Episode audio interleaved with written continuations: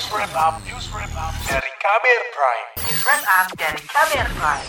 Saudara seorang mahasiswa asal Tegal, Jawa Tengah harus berurusan dengan kepolisian gara-gara unggahannya di media sosial menyinggung anak Presiden Joko Widodo yang menjabat wali kota Solo. Ia lantas diperiksa polisi virtual dan harus minta maaf. Berikut laporan khas KBR yang disusun Wahyu Setiawan.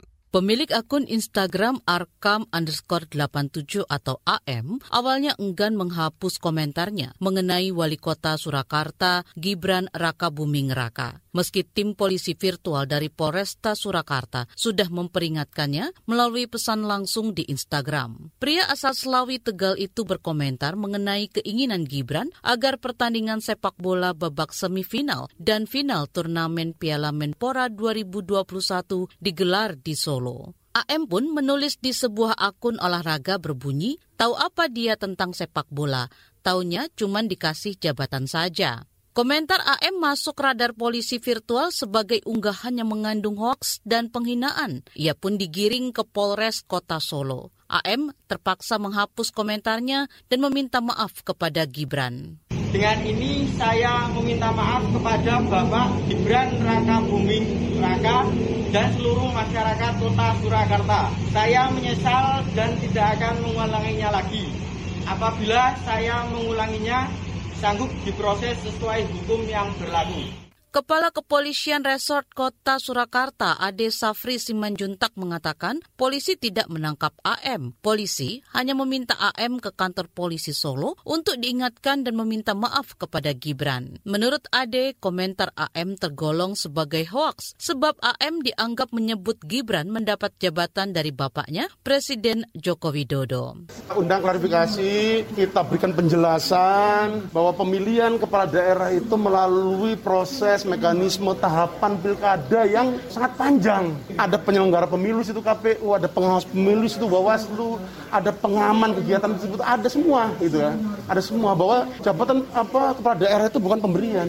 Ade mengklaim tim polisi virtual telah berkonsultasi dengan ahli bahasa, ahli pidana, dan ahli ITE sebelum memproses mahasiswa perguruan tinggi di Yogyakarta itu. Penting harus dibedakan. Tim virtual polis datang hadir untuk memberikan edukasi kepada warga masyarakat, sekaligus pengawasan kepada penggiat media sosial agar dalam bermedia sosial, berselancar di dunia maya, itu dapat dilakukan secara bijaksana maupun bertanggung jawab. Penangkapan terhadap AM bukan yang pertama dilakukan polisi virtual. Sebelumnya, Polresta Surakarta juga menjaring seorang berinisial SF pada 18 Januari lalu lantaran mengomentari flyover Manahan. Yang kedua, polisi menangkap RIA pada 8 Maret karena mengomentari unggahan soal kawasan Gilingan dan Banjarsari. Dan yang terakhir adalah yang dialami AM asal Tegal. Menurut catatan SafeNet secara keseluruhan, sedikitnya ada 125 pemilik akun mendapat teguran sejak Polri mengoperasikan polisi virtual pada Februari lalu. Juru bicara Mabes Polri, Argo Yuwono itu mengatakan keberadaan polisi virtual tidak akan membatasi kebebasan masyarakat dalam berpendapat. Saya rasa kita tidak mengekang ya, jadi kita tidak membatasi. Wong semuanya orang ngomong boleh kok. Cuma kalau melanggar pidana gimana? Kita boleh nggak ngasih tahu? Kalau kita langsung menerima langsung nilai lanjuti boleh tidak? Tetapi kita kan ada upaya untuk membuat edukasi. Ya makanya selain polisi ya juga harus orang-orang lain juga bisa sama-sama meng mengedukasi juga ke temannya kan gitu. Jadi tidak diserahkan ke Pak Polisi saja. Misalnya di kelompok-kelompok yang lain bisa sebagai pimpinannya memberitahukan bisa.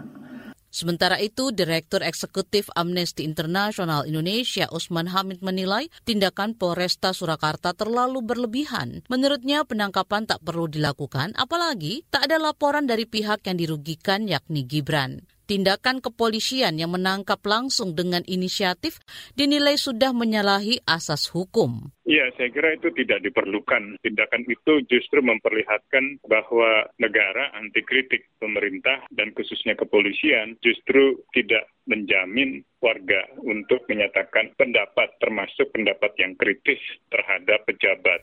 Usman menilai penangkapan terhadap AM akan menciptakan kondisi ketakutan dan ancaman hukuman pada masyarakat. Penangkapan itu juga dinilai Usman sebagai tindakan yang bertolak belakang dengan ucapan Presiden Joko Widodo yang ingin masyarakat aktif mengkritik secara keras dan pedas. Tetapi ya persis seperti yang dikatakan oleh Pak Yusuf Kala, pemerintah minta warga masyarakat mengkritik pedas, tapi tidak memberitahu bagaimana caranya supaya bisa mengkritik pedas tanpa dilaporkan ke polisi gitu. Nah, kasus pria Selawi ini saya kira menunjukkan justru gejala yang bertolak belakang dari apa yang dikomitmenkan oleh pemerintah itu sendiri. Usman Hamid khawatir jika program polisi virtual tidak dievaluasi secara kritis akan muncul penangkapan-penangkapan lain.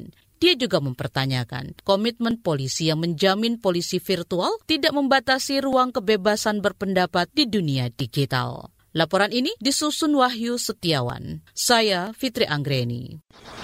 Kamu baru saja mendengarkan news wrap up dari Kabel Prime. Dengarkan terus kbrprime.id, podcast for curious mind.